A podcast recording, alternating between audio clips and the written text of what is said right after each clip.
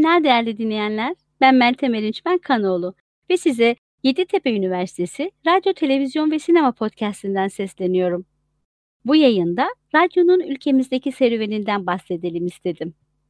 Bildiğimiz üzere radyo, farklı seslerin duyulabildiği bir iletişim aracı. Metin temelli değil, duysal bir araç olduğundan dinleyenler açısından daha canlı bir iletişim sağlıyor. Televizyon gibi görsel olmadığından da daha ucuz tabii.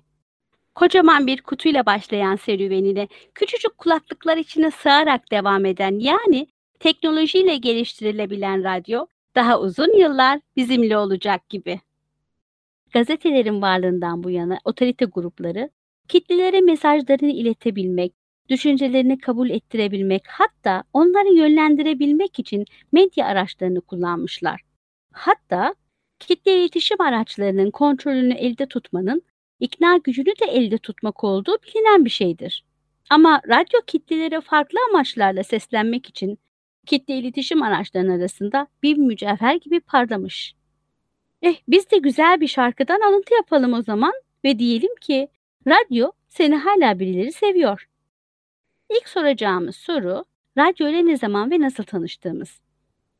Türkiye'nin televizyonla 1960'lara kadar tanışmadığını, gazetelerin ise yüzyıllardır kitle iletişim ve kültür iletim aracı olarak kullanıldığını düşünürsek, radyo üzerinde konuşulması gereken ilginç bir araca dönüşüyor.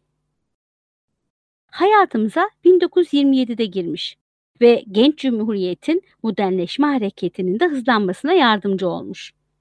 1927-1993 yılları arasında ulusal radyo olarak hayatına devam etmiş. Ancak unutmayalım ki tek partili rejimden çok partili sisteme geçmek ve iki darbe gibi birçok siyasi değişim oldu ülkemizde. Ulusal Radyo'nun bu dönemlerdeki kullanımları ve kültür politikalarındaki yeri iletişim bilimcilerin de çalışma alanlarından biri oldu. Kısaca diyebiliriz ki bir dönemde radyonun nasıl kullanıldığı o dönemin kültür politikası tarafından belirlenmiş olabilir. Bu hiç de şaşılacak bir şey değil aslında. Ülkemizin radyo tarihinden ve bu iletişim aracının nasıl kullanıldığından bahsedersek bunu daha iyi anlayabiliriz. Türkiye'nin televizyonla tanışması 1960'ları bulmasına rağmen radyo 1927'de varlık göstermiş ve doğrudan ya da dolaylı olarak ulus devlet kontrolünde olmuş. Demokrat Parti ve iki askeri dönemde olduğu gibi bazı zamanlarda da hükümet ya da askeri güçlerin kontrolüne girmiş. 1927, 1946, 1964 ve 71 ve 1983-1990 yılları arasında radyonun kitle yayıncılığını hedefleyerek bilgi aktarımını sağlamak, eğitmek, eğlendirmek ve dinleyicinin ihtiyaçları doğrultusunda yayın yaptığını söyleyelim. 1936'ya kadar yayın saatleri akşamları 3 ile 3,5 saat olarak sınırlıymış. Çoğunlukla konuşma ve müzik programları yapılıyormuş ve bu da dönemin radyo yayıncılığının eleştirilere maruz kalmasına yol açmış. Çünkü o dönem radyonun eğitim için kullanılması gerektiğini düşünen bir grup bu nadide iletişim aracının fazla müzik yayını yaptığını düşünerek eğlence amaçlı kullanılmasından rahatsız olmuş. Aslında bu dönemin en ilginç uygulaması caz ve batı müziği yayınlarının yapıldığı bir zaman olmasına rağmen 1935 ve 1936 yılları arasında klasik Türk müziğinin yayınlanmamasıdır. Bunun nedenini hepimiz tahmin edebiliriz aslında. Ulusal radyo yayıncılığında bir kültür politikası olarak modernleşme ve batılılaşma temel alındığından böyle bir kültürel içselleştirme uygulamasına gidilmiştir. Böylelikle halk arasında kültürler arası sanat bağlamında farkındalık yaratılarak kendisininkinden farklı kültürler hakkında okumaya ve dinlemeye teşvik edilmeye çalışılmıştır ak. O dönemde yapılan çeviriler de kaynak odaklıdır. Yani çevrildiği dile ve kültüre sadık bir şekilde yapılmaktadır. Diyelim ki Fransızcadan yapılan bir çeviride Alex Bey kullanımı yerine Monsieur Alex gibi tabirler kullanılmaktadır. Böyle yaparak o kültürün özellikleri okurun algısında canlandırılmaya çalışılıyordu. Edebiyatta olduğu gibi radyoda da aynı politika uygulanıyordu. Bu yıllarda Viyana, Budapeşte, Paris ve Moskova radyolarından yabancı programlar da dinleniyordu. Ve ayrıca demek gerekir ki radyo tiyatrosu da çok dinlenen bir yayındı.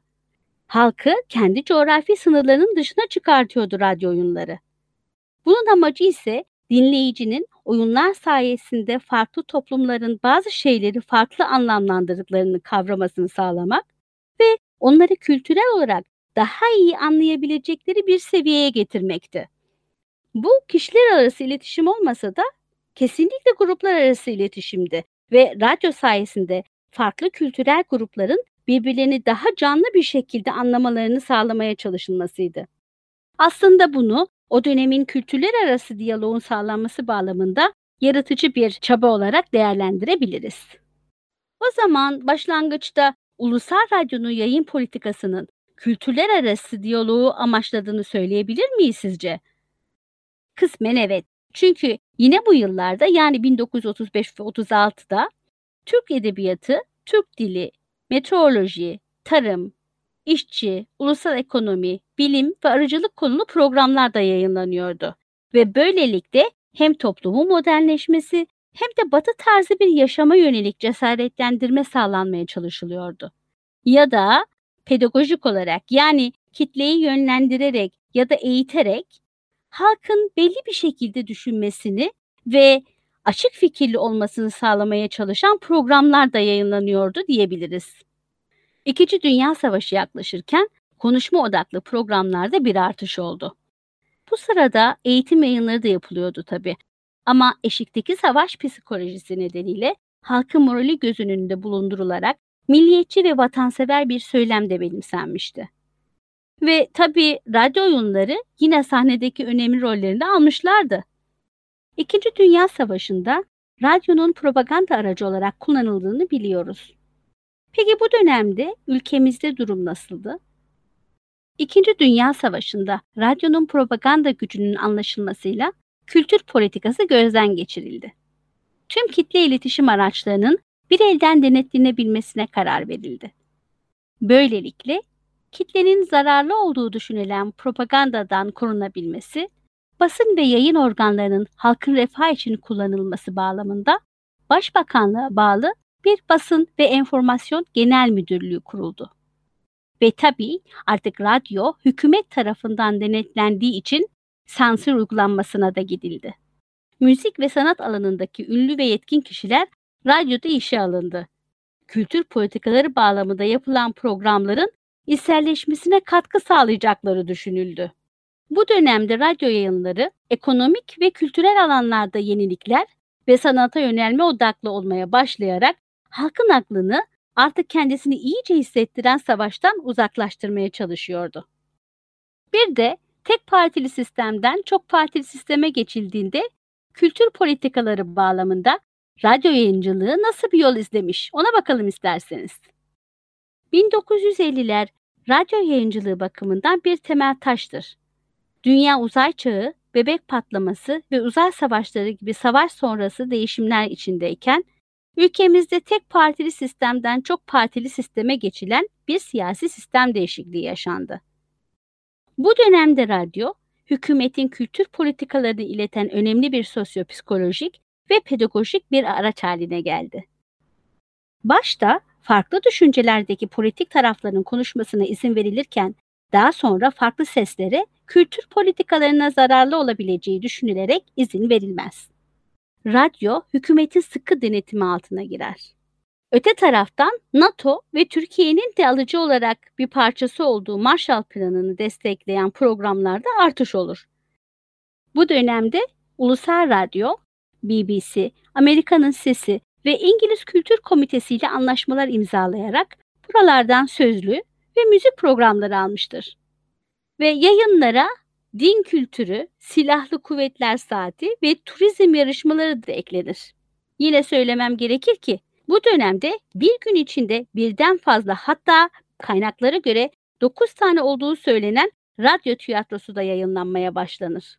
Bu da bize ulusal radyo devlet denetiminde olan bir iletişim aracı mıdır sorusunu sorduruyor aslında.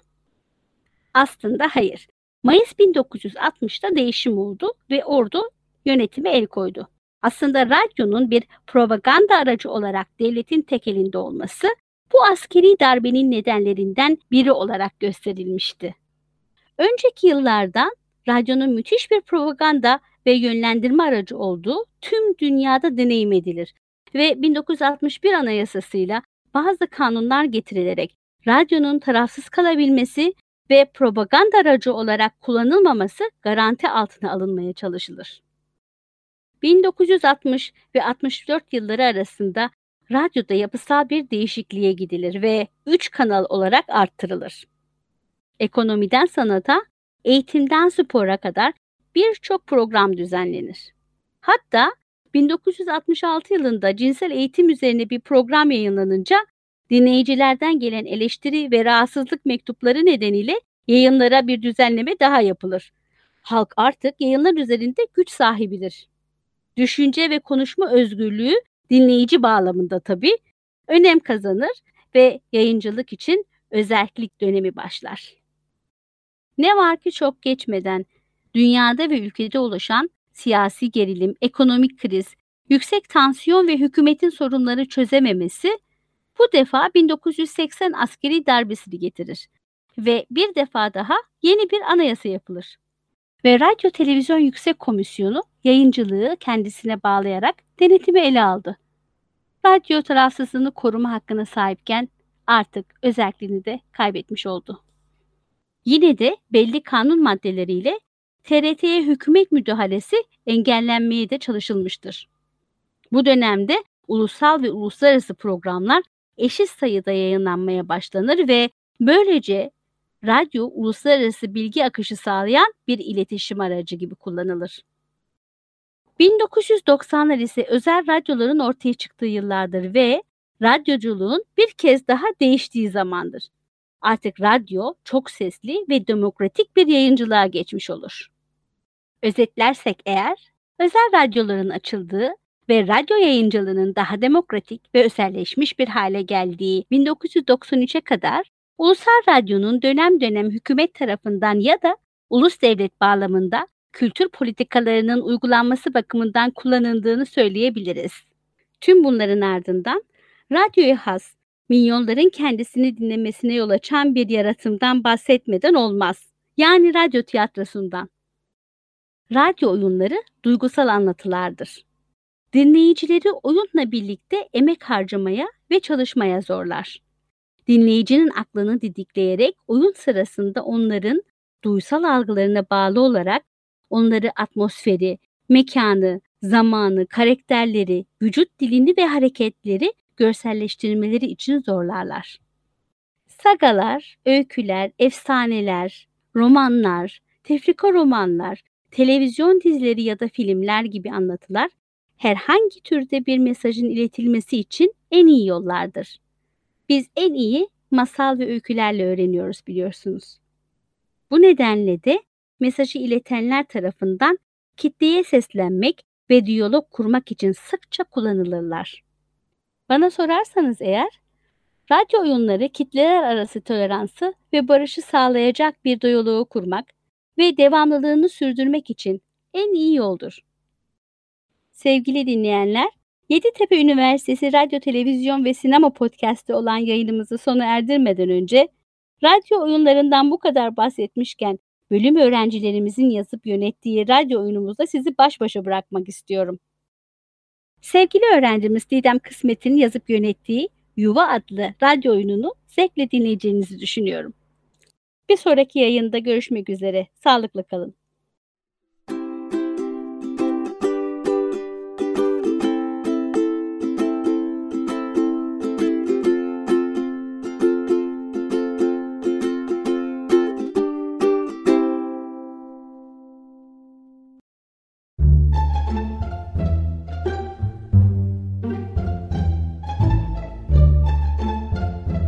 Radyo Tiyatrosu.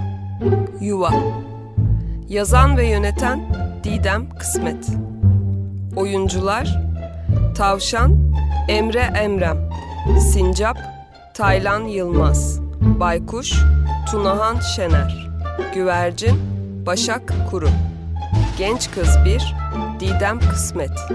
Genç Kız 2 Nazlı Yeşil. Pet Shop sahibi Ozan Karakaya.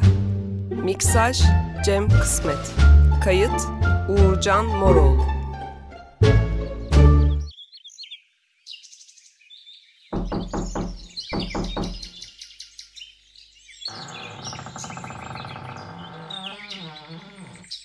Günaydın Sincap. Sana anlatacaklarım var.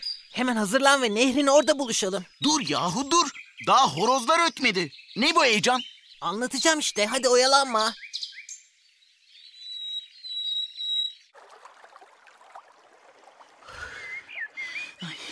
Ya tavşan sen küçücük bir sincabın kalbine mi indirmek istiyorsun? Ne oldu yine? Dur sakin ol. Baykuş'u çağırdım. Gelsin o da gelsin. Öyle başlayalım. Anlaşıldı. Yine bütün gece uyumayıp bir şeyler düşünmüşsün. Şşt. Bak işte geldi Baykuş da. Ne oluyor yine? Yoksa dün gece ormandaki sesten mi uyuyamadınız? Hayır. Yani aslında evet. Uyuyamadım ama seslerden değil. Artık alıştım zaten canavar seslerine. Canavar değil, makine sesleri onlar. Neyse ne işte. Dün gece kitaplığıma sakladığım kuzenimin gönderdiği kart postalı buldum. Uzun uzun ona baktım ve hayaller kurdum. Yine başladık. Hayallere kapılma tavşan. Kuzenin gitti ve sana sadece bir kere kartpostal ve mektup gönderdi. Ne malum şehirde hala mutlu olduğu. Ya durun. Önce bir dinleyin. Gidelim oraya yerleşelim demiyorum ki. Bir bakalım orada nasıl yaşıyorlar. Hem kuzenim çalışmaya gitti. Mektupta sirkin harika bir yer olduğunu yazmış. İnsan dostu onu şapkadan çıkarınca herkes alkışlıyormuş. Düşünsenize bir sürü insan seni alkışlıyor. Ah ne kadar da güzel. Ya tavşan. Ormana pikniğe gelen insanlardan kaçacak delik ararsın sen. Ne bu insan sevgisi şimdi anlamıyorum. Ama buraya gelen insanlar çöplerini evimin içine atıyorlar. Ayrıca en son ayağıma cam kırıkları battığında bir hafta koşamamıştım. Ee tavşan, sadede gel. Yani şu. Var mısınız küçük bir macera yaşamaya? Gidelim ve insanlar orada nasıl yaşıyor onları görelim. Hem kuzenimin gönderdiği mektupta adres de var. Onu ziyaret ederiz ne olur. Ya tavşan. Yıllardır her gün buradayız ve evimizden hiç uzaklaşmadık. Nasıl gideceğiz şehre? Evet tabii ki bunu da düşündüm. Bu insanların gürültü yaptığı canavar a- ay makina sesleri var ya. O makinelerle ağaçları kesiyorlar. Dün onları izledim. Ağaçları kesip kocaman arabaların içine koyuyorlar. O arabalardan birine binip gizlice şehre kadar ilerleyeceğiz. Daha sonra adrese göre yolumuzu buluruz. Ben gelemem. Burada bir ailem var. Onları yalnız bırakamam. Yo yo yo yo kabul edemem. Baykuş sensiz olmaz. Yani orada bir iş gelirse başımıza ne olacak? Tavşanın hayallerinden vazgeçiremem. Size de uyum sağlayamam. Üzgünüm. Tamam o halde ne yapalım? O zaman Sincap benimle misin? Ya bilemiyorum tavşan. Yani korkuyorum. O zaman ben de tek başıma giderim. Siz de bu maceradan uzak kalırsınız ve hep beni merak edersiniz. Of tamam tamam geleceğim tavşan of. Dikkatli olun. İnsanlar tehlikelidir. Baktınız ben de gelirim sonra. Sizi ziyaret ederim. Belli mi olur? Baykuş adresimizi sana da bırakalım. Sen dayanamazsın bizsiz buralarda. Ben gidip bari meşe palamutlarımı toplayayım. Sonra yola çıkalım. Yaşasın!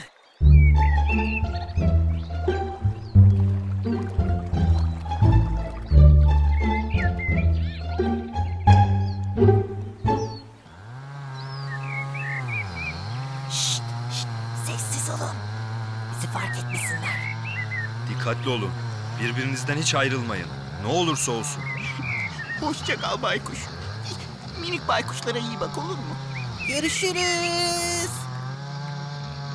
Hadi Sincap atla.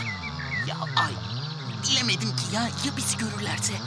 Eğer oyalanmaya devam edersen görecekler Sincap. Hadi. Üf, tamam geldim.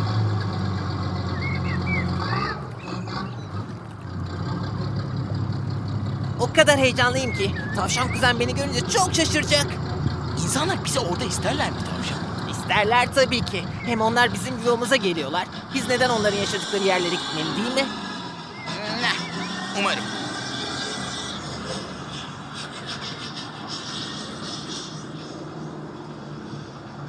Evet, burada inip yolumuza devam etmemiz gerekiyor. Sincap hazır mısın? E, fark eder mi? E, Korkuyorum sadece işte. Of Sincap, çok olumsuzsun. Her şey çok güzel olacak. Hadi, Bu taraftan mı yürüyeceğiz? Evet. Daha sonra şehrin güneyine ineceğiz. Sirk oradaymış. Tamam, e, buraya da bir tane meşe palamudu bırakayım da. Bunu neden yapıyorsun Sincap? Yemeyecek misin onları? Hayır tabii ki. Bunlar yolumuzu bulmamızı sağlayacak eğer geri dönebilirsek. Bulabildiğim her yere bunlardan gömeceğim. Hemen de geri dönmeyi düşünsen zaten. Olumsuz Sincap. Sen benim işime karışma tavşan. Hadi pusulana bak da yolumuza devam edelim.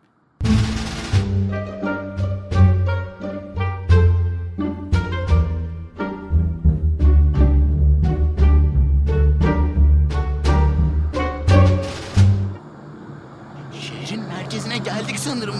Çok yoruldum tavşan. Burası çok kalabalık. İnanamıyorum şu kocaman evlere bak. Bu yuvalarda tek bir insan mı yaşıyor ne dersin? Ne yaparlar ki bu kadar büyük evlerde acaba? Keşke görebilsek. Burası harika. Tavşan dikkat et! Ay, az kalsın eziliyordum Sincap gördün mü? Çok korktum. Ben de çok korktum. Yanımdan ayrılma sakın. İnsanlar bizi görmüyorlar. Hızlıca karşı tarafa geçelim hadi.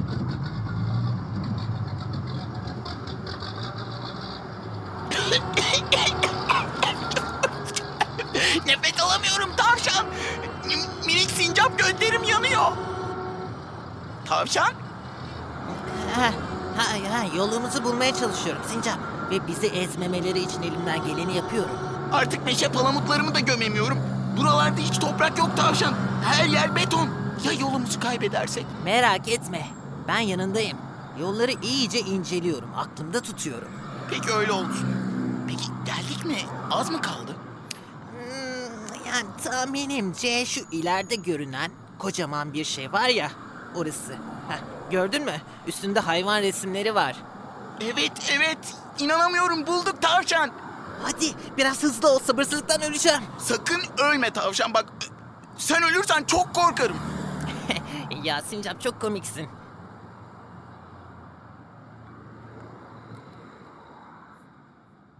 Merhaba. Hmm, kim- kimse var mı? E burası boş. Hani nerede herkes? Dur bakalım. Belki arka taraftadırlar. Biraz bakınalım. Hey tavşan şurada iki tane insan var gördün mü? Gidip onlara soralım mı? Tavşan kuzen neredeymiş? Şehre geldin. Hemen insan gibi konuşabileceğini mi sanıyorsun? Şaşkın Sincap. Nasıl soracağız? Ay ne bileyim heyecandan aklım gitti işte. Ay şu tavşanla sincabı gördün mü? Evet, bunları burada mı unutmuşlar? Baksana ne kadar güzeller. Görüyor musun? Bize bakıp konuşuyorlar Sincap. Galiba bizi tanıdılar. Acaba kuzen tavşanın insan sahipleri bunlar mıdır? Bilmiyorum tavşan ama bu tarafa doğru geliyorlar. Gel bakalım buraya güzel tavşan. Senin tüylerin ne kadar güzelmiş. Hey Sincap beni sevdiler gördün mü? Sevdiler beni yaşasın. Sincap ısırır mı dersin? Yok ısırmam canım. E, Ben gerçekten hiç ısırmam. Kim görmüş ısırdığımı? Ay baksana şuna. Minicik ne kadar da tatlı. Ne yapıyorsun burada küçük sincap? Burada mı unuttular sizi? Bunları köşedeki pet shop'a bırakalım bence. Burada ölürler. Doğru söylüyorsun. Belki sahipleri varsa gelip alırlar. Götürelim. Sincap duydun mu? Pet shop dediler. O ne ki acaba? Oyun park gibi bir yer herhalde. Yaşasın inanamıyorum rüya gibi. Evet evet ben de inanamıyorum. Bizi çok sevdiler tavşan. Ama tabii beni daha çok sevdiler.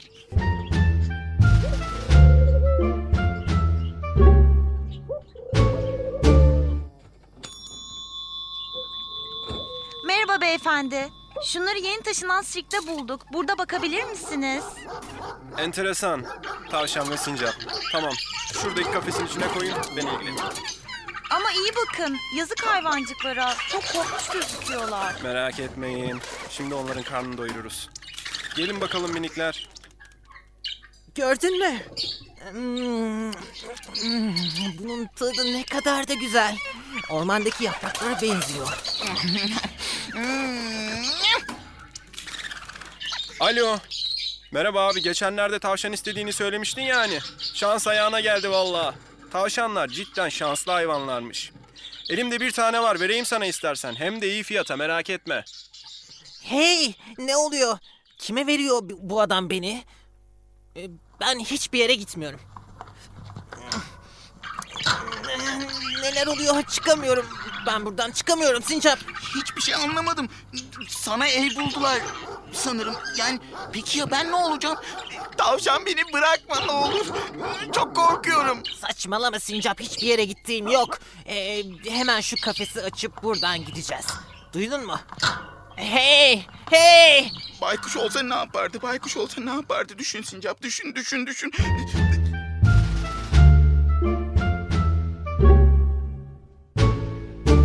Tavşan, insan gitti. Burası çok karanlık. Buradaki hayvanlar nasıl yaşıyorlar? Hem çok soğuk hem de çok sıkıcı. Ah benim havuç kafam. Nasıl izin verdin buraya kapanmamıza? Ne hayallerim vardı halbuki. Keşke hiç ormanımızdan çıkıp gelmeseydik buralara. Tamam tavşan tamam üzülme. Bak yalnız değiliz yan yanayız. Hatırla baykuş ne dedi? Birbirinizi hiç bırakmayın dedi. E bırakmadık işte. Çıkacağız buradan. Yani umarım.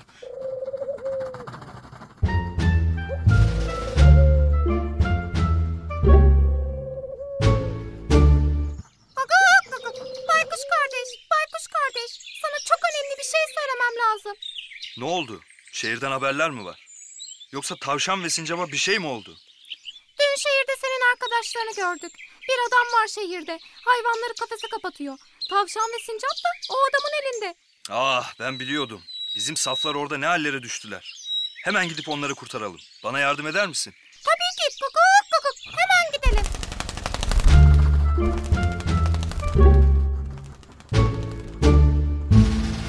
Bak işte oradalar. Şimdi ne yapacağız baykuş?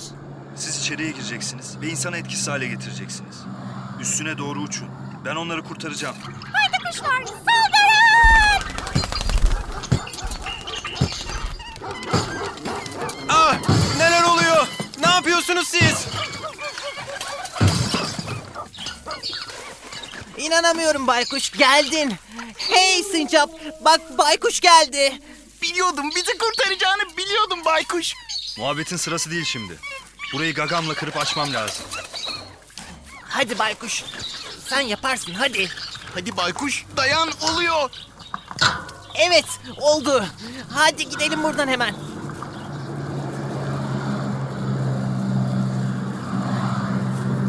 Bize şehirdeki yeşilliğin başladığı kısma kadar eşlik edin. Oradan sonrasını palamutlarımla ben hallederim. Yolu biliyorum. Güvercinler, teşekkür ederiz. Kendinize iyi bakın. Hadi çocuklar gidelim. Beni takip edin.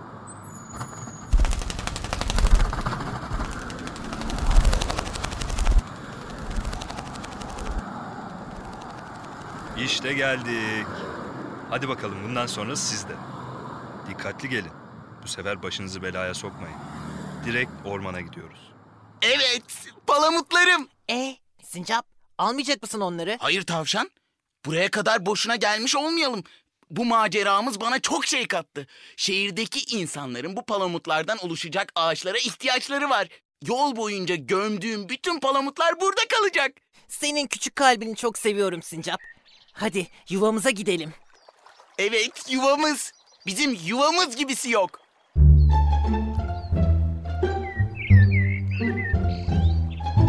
Radyo tiyatrosu Yuva Yazan ve yöneten Didem Kısmet Oyuncular Tavşan Emre Emrem Sincap Taylan Yılmaz Baykuş Tunahan Şener Güvercin Başak Kuru.